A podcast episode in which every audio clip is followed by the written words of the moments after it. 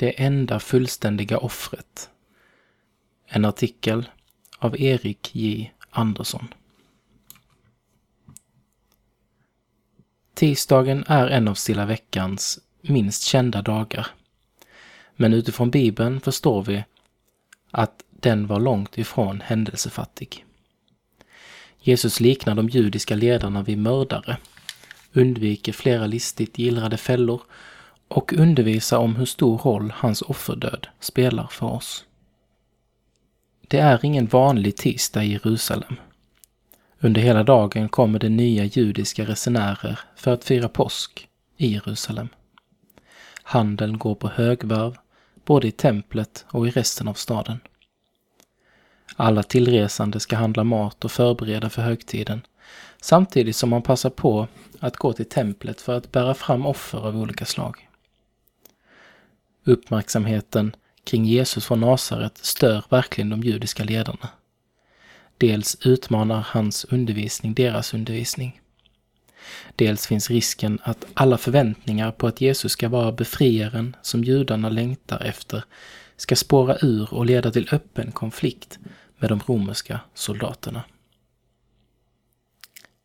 Motstånd mot Jesus Jesus och hans närmaste lärjungar bor utanför Jerusalem och på tisdagens förmiddag kommer de in i staden och går upp till templet. Jesus berättar en liknelse, en berättelse som ska hjälpa människor att förstå Guds plan. Han berättar om en rik man som sände sin son till en vingård som mannen planterat för länge sedan. När sonen kommer dit slår de som jobbar i vingården ihjäl honom. De judiska ledarna förstår att han talar om dem, men de vägrar förstå att hans ord är sanna. I olika grupper försöker de istället lura Jesus att säga något som de kan döma honom för. Något som folket ska förakta honom för. Eller något som romarna ska gripa honom för. Jesus genomskådar dem och låter gång på gång de judiska ledarna se att deras frågor inte leder någon vart. Istället fortsätter Jesus att undervisa alla på tempelplatsen som vill lyssna.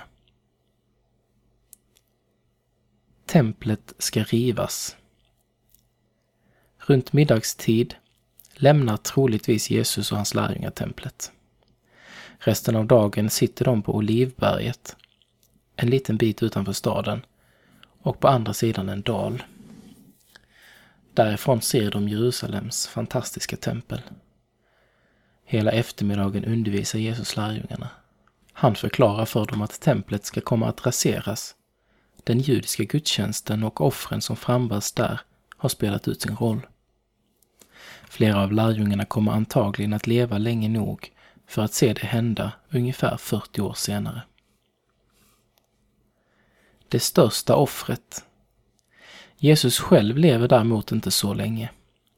Medan de tillresta judarna i Jerusalem förbereder för påskens offer förbereder Jesus sig för att bli det enda offer som fullständigt förintar människans skuld inför Gud. Några dagar senare blir korset hela världshistoriens altare och mänsklighetens chans till ett evigt liv. Sång Jesus för världen givit sitt liv öppnade ögon, Herre, mig giv. Mig att förlossa offrar han sig, då han på korset dör och för mig. O, vilken kärlek, underbar, sann. Aldrig har någon älskat som han. Frälst genom honom, lycklig och fri, vill jag hans egen evigt nu bli. Tag mig då, Herre, upp till ditt barn. Lös mig från alla frestarens garn. Lär mig att leva, leva för dig. Glad i din kärlek, offrande mig. Svenska psalmboken 45 Bön Tack Jesus för att vi inte behöver offra djur i något tempel längre. Tack för att du dog för oss på korset och utförde det enda offer som behövs för att vår skuld ska vara utplånad. Hjälp oss att lita på att vi inte behöver lägga till någonting till ditt offer. Amen.